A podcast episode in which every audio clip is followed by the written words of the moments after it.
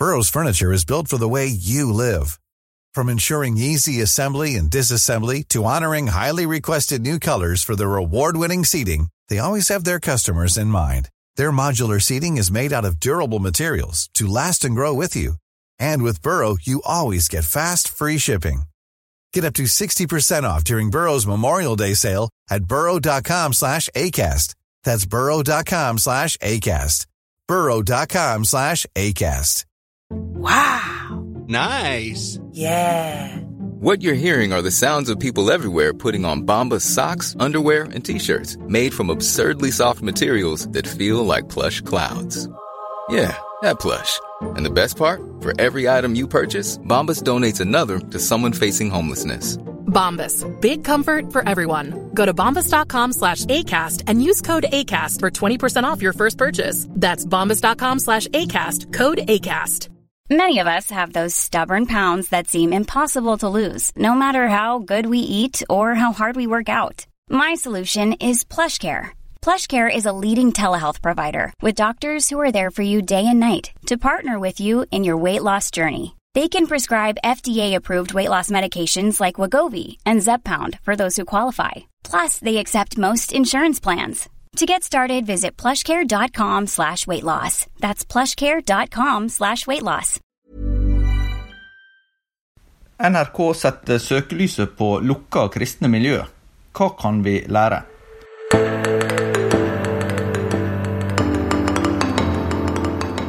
Velkommen til Tore og Tarjei, som eh, stadig er en podkast fra dagen.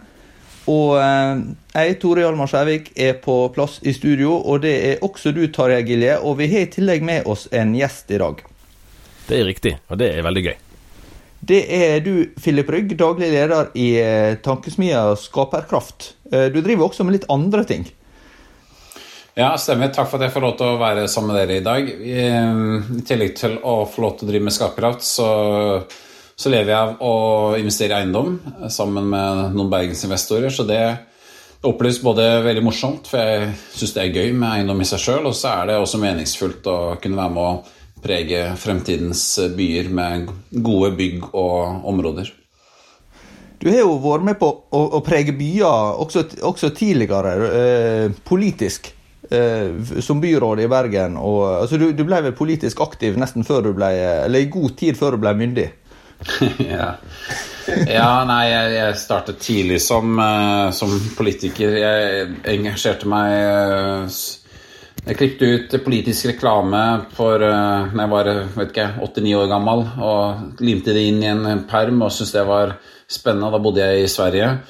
Jeg husker jeg klippet ut Kristendemokratene sine annonser i Uppsala Nye Tidning. Um, også i dag, eller noen år etter, da, så ble det inn i KrFU. Og i dag så kan jeg se tilbake på utrolig mange spennende opplevelser sammen med da KrF. Um, men det er riktignok seks år siden jeg forlot politikken. Jeg husker jeg spiste lunsj med deg eh, på rådhuset en gang i 20... Ja, nå kan jeg ha vært 13 eller 14, og da hadde du fått ny eh, rådgiver. Det var en kar som hadde jobbet i Salem, en som het Dag Inge Ulstein. Ja, Dag Inge var jo et helt fantastisk talent som ikke drev med politikk, og som vi da klarte å lure inn som rådgiver for meg. Og det ja, altså han er, Ikke bare er han veldig flink, men han er også en utrolig bra menneske. Så, så det er helt rått å se hva han får til. Det er ikke verst å ha tatt en fra rådgiver til statsråd. Nei, men det, det, Han hadde klart det uansett, men, men, det var veldig kjekt å få lov til å ta han inn i politikken på den måten. Og så er jo resten historie. Men det er klart at uh, det som er med, med si, stjerner i politikken, er at de både har talentet, men det har også noe personlig ved seg. Og Dag Inge har den, den karismaen i tillegg til å være talentfull. Det som er bakgrunnen for at vi har invitert deg hit i dag, er at du jobber i skjæringspunktet eh, tru, samfunn, politikk, kultur. Og eh, nå i det siste så har det vært en del oppmerksomhet rundt en serie som NRK Brennpunkt har laga om eh, tre forskjellige kristne trossamfunn. Og dette er jo et lydmedium, så en kan ikke sette eh, anførselstegn rundt kristne. For det vil jo være litt diskusjon om hvordan eh, andre kristne trossamfunn vil forholde seg til de det er snakk om her. Det er eh, Brunstad Christian Church, eller Smiths venner, som de gjerne blir kalt. Og så er det da Jehovas vitner, og så er det det som heter Guds menighet, som holder til i to bygder i Lofoten. Eh, felles eh, altså Brunstad Christian Church søker jo nå medlemskap i Norges kristne råd, og dermed ønsker et, et fellesskap med det større kristne fellesskapet av eh, trossamfunn og organisasjoner i Norge. Mens Jehovas vitner er jo eh, ikke blitt regna som et kristent trossamfunn av andre kristne, og, og vil heller ikke forstå eh, måtte eh, seg som en del av et naturlig del av et sånt fellesskap, med, med tydelig at de tar tydelig avstand fra sentrale kristne eh, lærespørsmål. Eh, og så har du i tillegg det med Guds menighet, er jo et mye mindre fenomen, men som også har en del trekk som, som eh, er, er nokså spesielle, og som dermed gjør at den, eh, det er veldig få aktive kristne i Norge som, eh, som kanskje vil kjenne seg igjen eller ha kjennskap til det fellesskapet. Da. Samtidig så blir det jo tatt opp en del temaer som vi tenker er aktuelle å reflektere over for flere enn de som er akkurat med i, i disse miljøene. Og du har jo en del greier på, på eh, økonomi og, og, eh, og, eiendom og sånn, så er jo Smiths venner vært mye omdiskutert, eh, bl.a. pga. økonomiske forhold og, og forhold mellom lederne sin forholdsvis store velstand og en sterk dugnadsinnsats blant medlemmene. Kan du si noe om, om hvordan sånn generelt du oppfatter oppmerksomheten rundt det med måtte, trusliv utenfor Den norske kirke. Eh, har det skjedd noe eh, der med, med hvordan det blir omtalt og, og, og, og får oppmerksomhet i media? Gjerne det. Jeg syns jo at det generelle bildet er ganske positivt. Jeg synes For det første så er um, åpenheten for å slippe til i spalter, i um, ulike situasjoner i media, veldig, veldig stor. Uh, og det har vi jo sett fra skaperne sin side, at, uh, at debattredaktører og andre sier at uh, vi ønsker mange, mange flere stemmer med et kristent standpunkt og et kristent ståsted. Eh, og de, de, åpner egentlig spaltene for det. Og så er det klart at eh, det at det er kritisk journalistikk, det er ikke noe nytt. Eh, det har det vært, og det skal det være også. Det er en god ting. Og så er det, vil det være i, i, i kristne sammenhenger og i andre sammenhenger miljøer som, som både trenger den oppmerksomheten, men også vil også selvfølgelig oppstå eh, misforståelser, vil oppstå ting som kanskje, kanskje oppleves som feilaktig dekket eller ubalansert. Men mye av grunnen til at ting er ubalansert, mye av grunnen til at ting ikke blir riktig dekket, skyldes jo i seg sjøl manglende åpenhet. Når det blir mye eh, hermetegn hemmelighetskremmeri, eller man er litt fjern fra hverandre. og det jeg leste akkurat eh, en, eh, et utdrag av en studie fra USA knyttet til politisk sekterisme. Og det er ganske interessant, fordi du, du, finner veldig mange av de tingene som du kan eh, peke på som religiøs sekterisme. Mange av de samme trekkene finner du i, i politisk sekterisme. Og basically så handler det om at vi verken evner eller vil forstå motparten. Eh, og når, du, når du er der, eh, og du på en måte ikke har nok fellesskap med folk som tenker annerledes enn deg sjøl, så skapes det avstand, skapes grupper, og etter hvert så blir det veldig ødeleggende. Det er jo et fellestrekk faktisk i disse tre dokumentarene eh, at eh, ledelsen ikke stiller til intervju. Ja, og det er jo i seg sjøl ikke, ikke, ikke som veldig strategisk eh, valg. Så kan jeg godt forstå at, at noen syns det er krevende å stille et intervju når det er Brennpunkt som ringer. Det er litt som du har et, et produkt, og så TV 2 hjelper deg, ringer. Du vet at at eh, du er ikke der for å få god reklame for eh, virksomheten din. Du har på en måte tatt utgangspunktet. Eh, men, men, det er likevel sånn at det er bedre å stå i det og være åpen.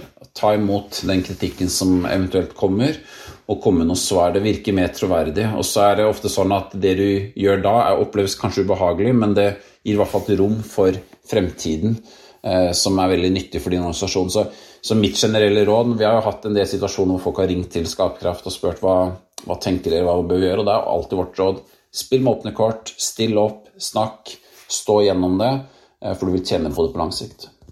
En av de tingene jeg har lurt litt på når jeg har sett på disse programmene her, eh, og, det, og for så vidt før det òg, er om vi eh, om dette vil bli fortolket da, som en, et nytt ledd i en mistenkeliggjøring, en generell mistenkeliggjøring av, av kristne, og for så vidt av religionen, egentlig, utenfor, ja, utenfor Den norske kirke da, i, i Norge.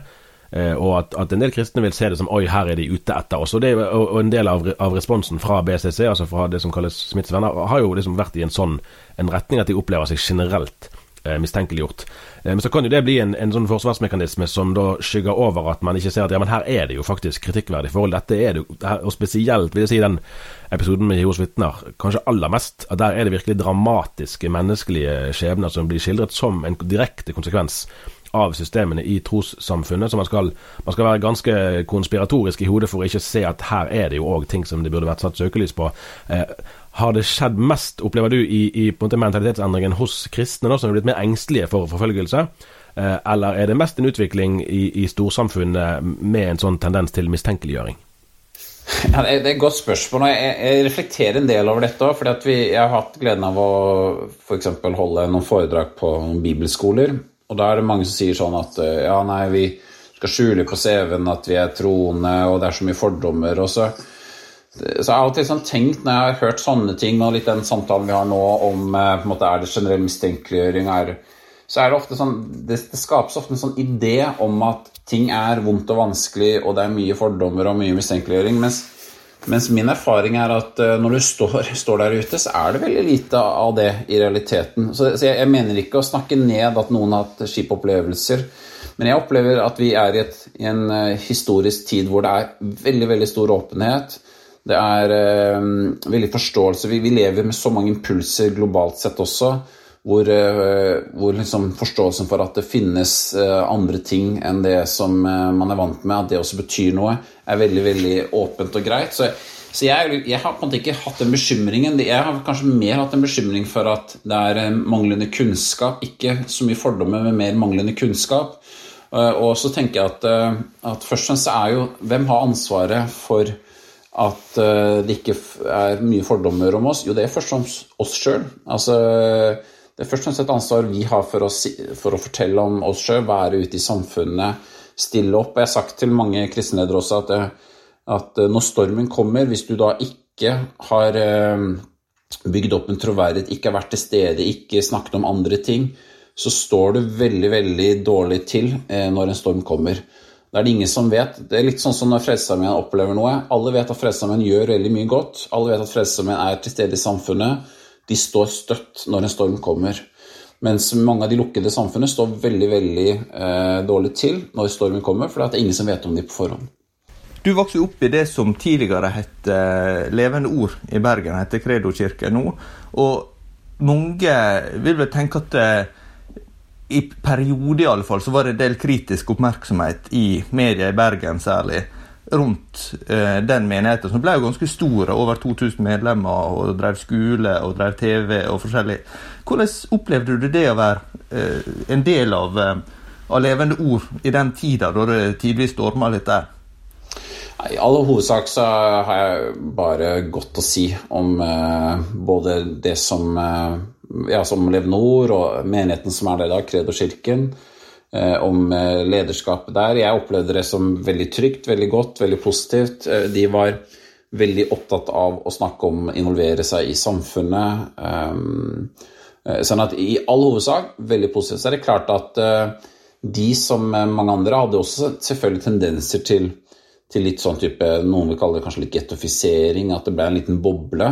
For litt sånn som du er inne på i spørsmålet, så man etablerte veldig mange eh, deler og virksomheter, og det ble veldig stort. Og du kunne i prinsippet eh, Jeg kunne kanskje ikke bo der, men du kunne i hvert fall eh, jobbe, spise, gå på skole, gå bibelskole, gå på eldretreff. Du kunne i prinsippet være der døgnet rundt hele livet hvis, hvis du ønsket det. Og Det er mye godt ved det, men men det er også veldig måte, fare for at det kan bli usunt hvis du kun er i den boblen. Men, men, eh, for å svare kort, eh, jeg opplevde det veldig positivt å, å få lov til å vokse opp der og, og ha mye å takke den tiden for. Men var det sånn at du opplevde i møte med andre mennesker som ikke kjente miljøet, at de, de hadde fordommer som du eh, fikk behov for å avkrefte? Nei, jeg vet ikke om jeg hadde det, men, jeg tror jo liksom Hovednøkkelen er jo å være deg sjøl, og, og, så vil det i seg sjøl avkrefte noen fordommer. Og så er jo ikke poenget at, uh, å fremstå helt, helt, lik som alle andre. Uh, vi, vi, tror at vi får noe godt som vi kan bære med oss, og, og det er ikke noe krise å se, se litt annerledes ut uh, på den måten. Jeg husker jeg hadde med meg, jeg gikk jo på Bergen Handelsgym, så jeg hadde med meg da klassen. Uh, del klassen opp på, på møtet der. Og så eh, var det litt sånn heftig Det var to møter gikk parallelt, det var litt heftig rene møter da. Det var eh, en del litt sånn uttrykk som noen vil kalle kanonspråk og sånn. Så jeg sa det, kanskje vi skal ta oss og prøve det andre møtet. Da. Så da gikk vi opp på ungdomsmøtet. Og så de, eh, de litt forskremte elevene fra klassen min, og de syntes jeg det var jo enda verre her oppe. Eh, så det var ikke noen stor suksess. Men, men, eh, for meg var det liksom ikke noe stress likevel. Eh, dette var en del av min verden, og for meg har det alltid vært helt uforståelig at noen syns det er gøy å sitte og spille sjakk. Og for noen er det kanskje uforståelig at jeg syns det var meningsfullt å gå i den kirken, men, men, men jeg respekterer den verden, og de respekterte min. Er du enig i en, i en historisk analyse som, som følger at For det har, det har jeg prøvd å fundere litt på. At når, når vi var, var tenåringer, Eh, for litt over 20 år siden. Tenk på det. Eh, så, så var jo, spesielt kanskje i frikirkelig miljø, så var det å være radikal eh, for Jesus det var jo et, et høyt ideal, egentlig. Det ville vi, ville vi, være. Og det var jo slett ikke noe som kom med frikirkeligheten der. Den lekmannsbevegelsen har sett på seg selv som radikal òg, på mange måter, og med rette på mange nivåer. I dag er det liksom, hvis du hører at noen er blitt radikalisert, da er det liksom terror neste. sant? Og jeg, jeg, tror, uten at det er liksom, Nå er det en intendert sammenheng, eh, men sant, 11.9. i USA, 22.07. i Norge sant, Religiøs ekstremisme, selv om i Norge var det ikke på den måten religiøst, selv om det var et, et element av det òg, men likevel at det å bli radikalisert, det, det, er noe av det verste man kan bli. Og at det eh, bidrar ufrivillig da, på en måte til eh, at fortellingen om ja, altså Hvis Leve Nord hadde vært i virksomhet i sin daværende form i dag, Eh, så hadde kanskje eh, det offentlige søkelyset vært, vært sterkere og kanskje mer negativt rettet. Mm. Jo, men ordet radikal har jo endret seg generelt. fordi at uh, hvis du går tilbake til slutten av 90-tallet, så var også det å være politisk radikal et hedersord for mange. Altså Spesielt på venstresiden ikke sant? så sa man at man var radikal. Jeg husker mange hadde også folk i klassen min som hadde buttons der det sto at de var radikal. Det ville man ikke hatt i dag, eh, fordi du har fått eh, det så nært koblet til, som du sier, terror. Så det, det, er jo en generell endring. I dag så er det liksom Moteordet i dag er å si være at du er ekte og genuin, og du skal være en genuin leder og en sunn og balansert kristen. og Det er, liksom, det er blitt sånne ord som vi er veldig opptatt av uh, nå. Uh, mens radikalt var, var, det kule både hvis du var troende i en del sammenhenger, og hvis du var politisk i en sammenhenger. Så jeg ser mange likheter. Jeg tror det er en, en sånn språklig bevegelse. Om det i realiteten er så stor forskjell, det kan man jo diskutere. Ja, fordi at, fordi at uh, når, når Brennpunkt gjør disse programmene, så ligger det jo et omfattende journalistisk eh, arbeid bak, og det er slett ikke alle som har kapasitet til å gå så dypt inn i kanskje særlig i Den Smiths venner. Det handler jo mye om finanser, og det er jo ytterst komplisert, og det er vanskelig å, å forklare det på en, på en, enkel måte, og det kan være at det sånn sett blir nesten en avsporing for noen. Men, men sant, jeg tenker jo liksom fra dagens ståsted, men òg fra menighetsperspektiv, er noe av årsaken til dette at både vi fra den kristne pressen, men òg at man fra menighetshold har vært for lite villig til å rydde opp i egen omegn. da. Eh, Var det vi som burde skrevet de sakene fra dagens side? Eh, hadde, hadde, mer av dette her kunne vært forhindret hvis, hvis eh, ja, man kan tenke i, til, i tenkt tilfelle hvis kristne ledere var mindre opptatt av solidaritet og mer opptatt av å, av å korrigere uh, uønsket atferd. Ja, jo, men hvis vi ser litt sånn konkret på dette, denne casen her, da, så er vel det riktig å si at uh, for Jehovas vitnes del så har de alltid vært helt på siden av uh, norsk kristenhet. Sånn at sånn sett så tror jeg ikke det hadde hatt så mye betydning om Dagen eller Norges kristne råd mente så mye, fordi at de ville fortsatt vært noe eget. Men så skjer det jo mye som det var nevnt med med Brunstad eller Smiths venner, alt ettersom vi kaller det, der er det jo en reell bevegelse, eh, en reell endring, sånn som jeg opplever det, som jeg eh, applauderer og tenker er veldig positiv. Eh, og det kan godt være at det hadde vært bra å skrevet mer om. Eh, men, men eh, det vil alltid være i kristne sammenhenger og i andre sammenhenger være miljøer som, eh, som trenger sånn type søkelys. Og Jeg tror ikke vi skal være så veldig redd for det. Jeg skal ikke være så redd for det når altså Jeg er jo aktiv i Hilsan. Der har det også vært kritisk søkelys, både fra kristen presse og jeg tror generelt sett skal man ikke være så nervøs for det. Og det er litt sånn der, det, det har jeg fått lære sjøl òg, at vi, vi blir veldig stresset, vi som mennesker og som ledere, når vi får kritisk søkelys. Og jeg har snakket med mange bedriftsledere også, som har én negativ opplevelse på 80-tallet med en eller annen journalist, og så vil ikke de snakke med presse resten av livet.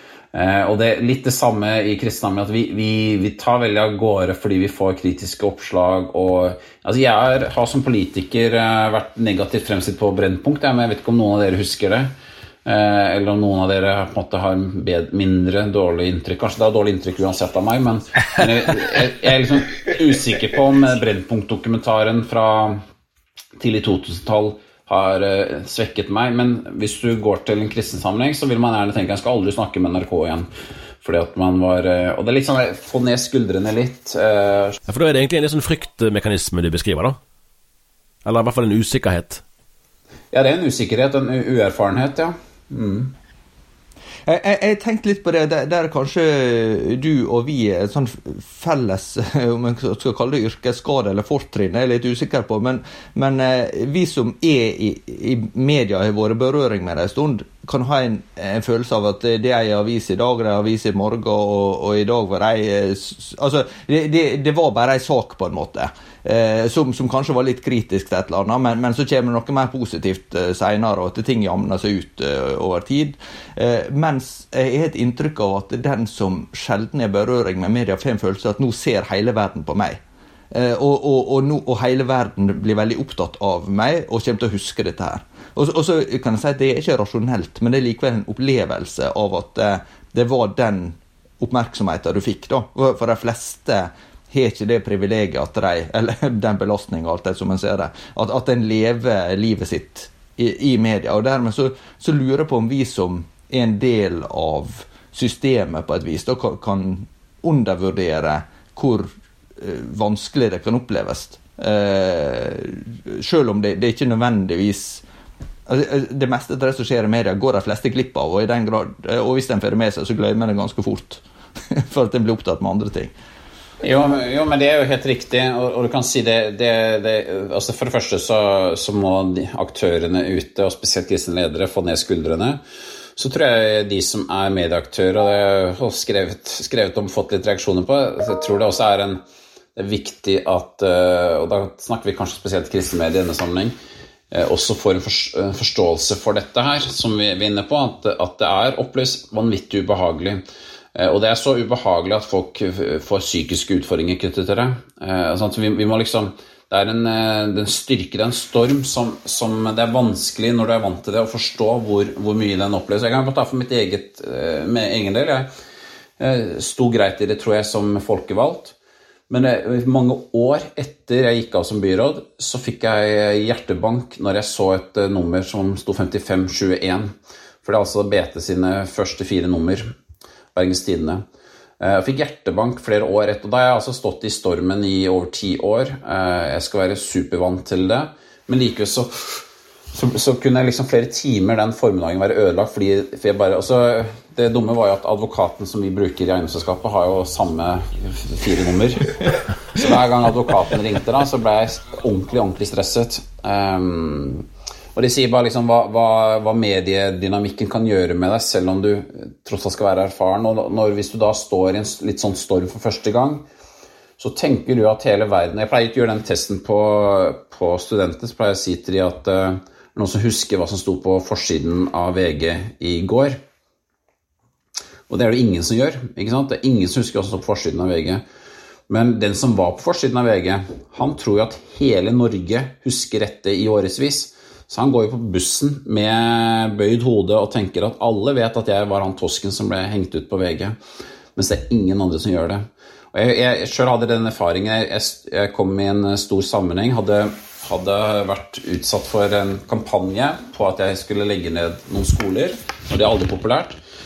Eh, og det ble hangt opp bannere over Åsaneveien i Bergen med Philip Rygg må rygge, eh, osv.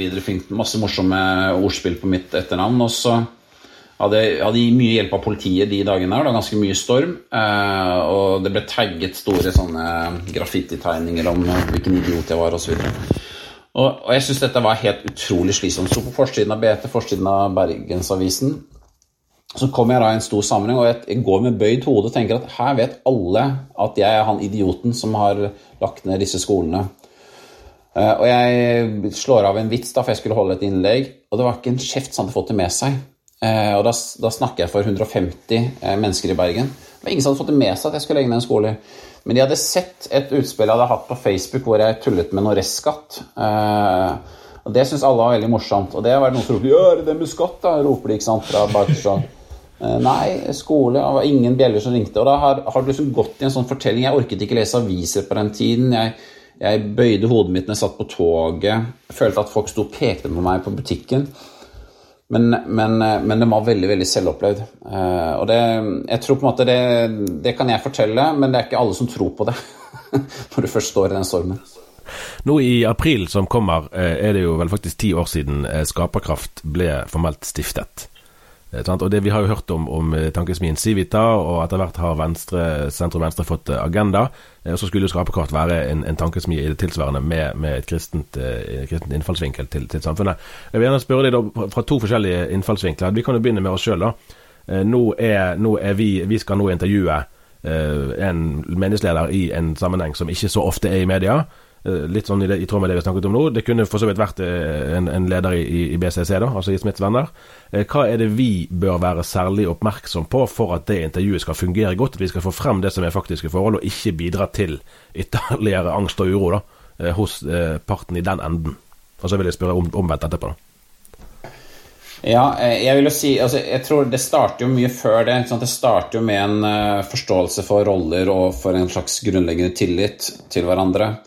Det starter jo lenge før intervjuet. Eh, og der, der har jo vært min, litt min oppfordring til også eh, landets eh, redaktører i de kristne mediene til å både lære opp, men også å legge til rette for et bedre tillitsforhold mellom kristne aktører og kristen press. For jeg tror man trenger hverandre, og jeg tror man trenger hverandre fordi det er viktig at kritisk ting kommer frem i lyset. Men man trenger også hverandre for å fortelle de gode historiene, for at man skal kunne lære av hverandre, bli inspirert, bli oppmuntret, motivert osv.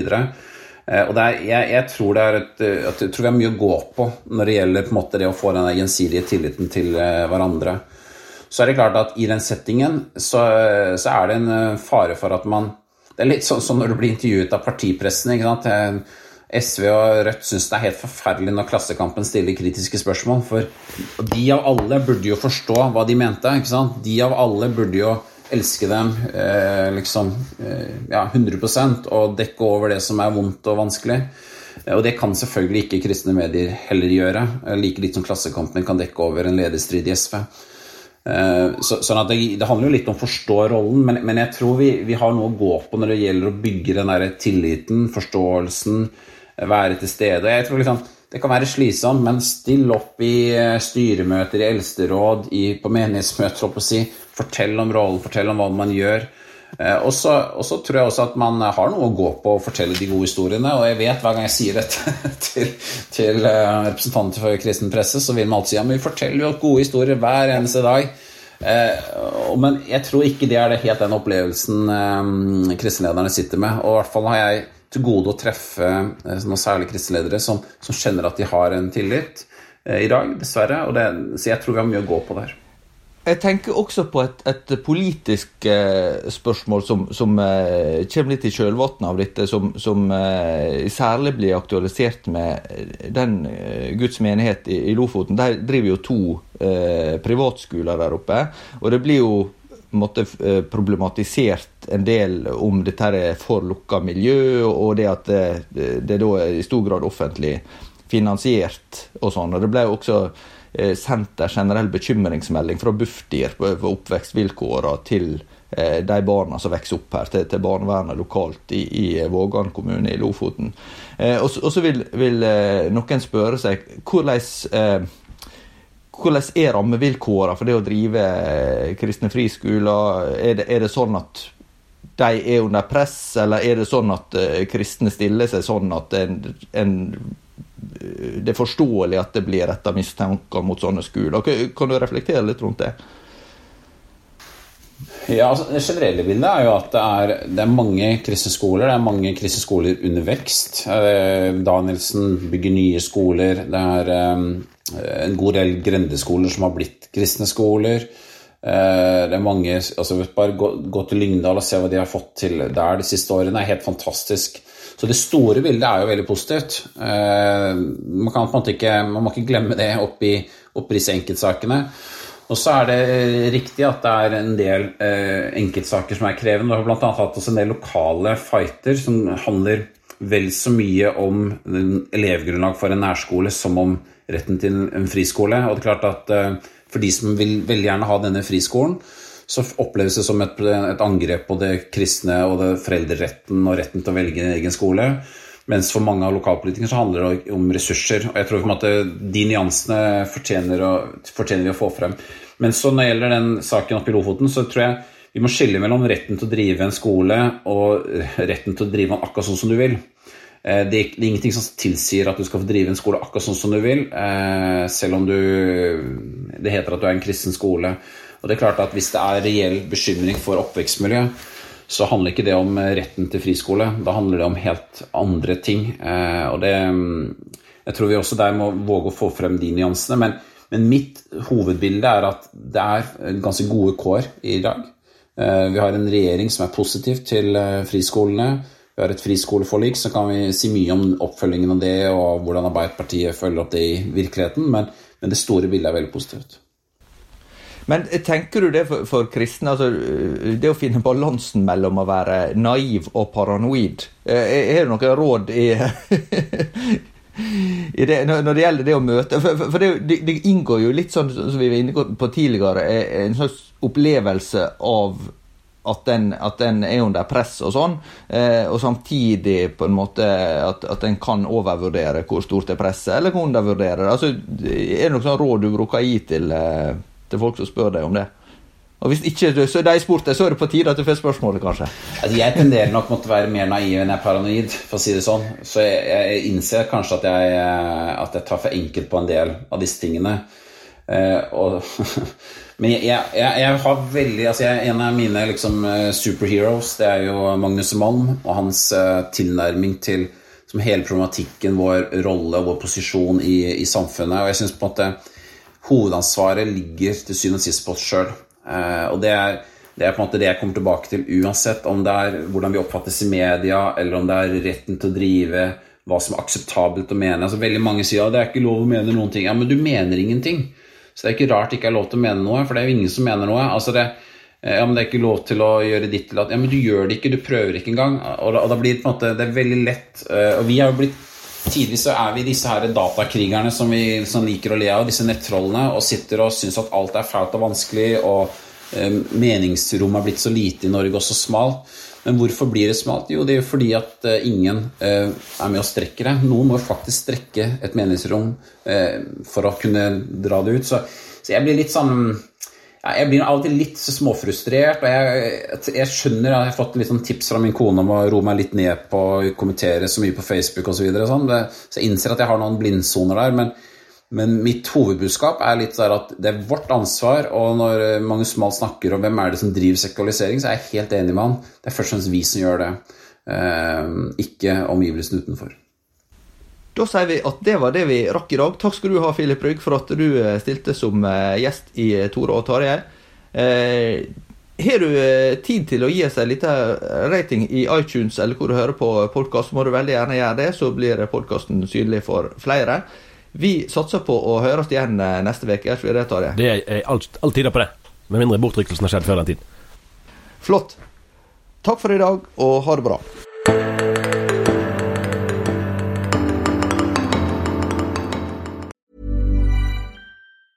A lot can happen in three years, like a chatbot may be your new best friend. But what won't change? Needing health insurance. United Healthcare Tri Term Medical Plans, underwritten by Golden Rule Insurance Company, offer flexible, budget friendly coverage that lasts nearly three years in some states. Learn more at uh1.com. Hi, I'm Daniel, founder of Pretty Litter. Cats and cat owners deserve better than any old fashioned litter. That's why I teamed up with scientists and veterinarians to create Pretty Litter. Its innovative crystal formula has superior odor control and weighs up to 80% less than clay litter. Pretty Litter even monitors health by changing colors to help detect early signs of potential illness. It's the world's smartest kitty litter. Go to prettylitter.com and use code ACAST for 20% off your first order and a free cat toy. Terms and conditions apply. See site for details. Even when we're on a budget, we still deserve nice things. Quince is a place to scoop up stunning high end goods for 50 to 80% less than similar brands. They have buttery soft cashmere sweaters starting at $50, luxurious Italian leather bags, and so much more. Plus, Quince only works with factories that use safe, ethical, and responsible manufacturing. Get the high-end goods you'll love without the high price tag with Quince. Go to quince.com slash style for free shipping and 365-day returns.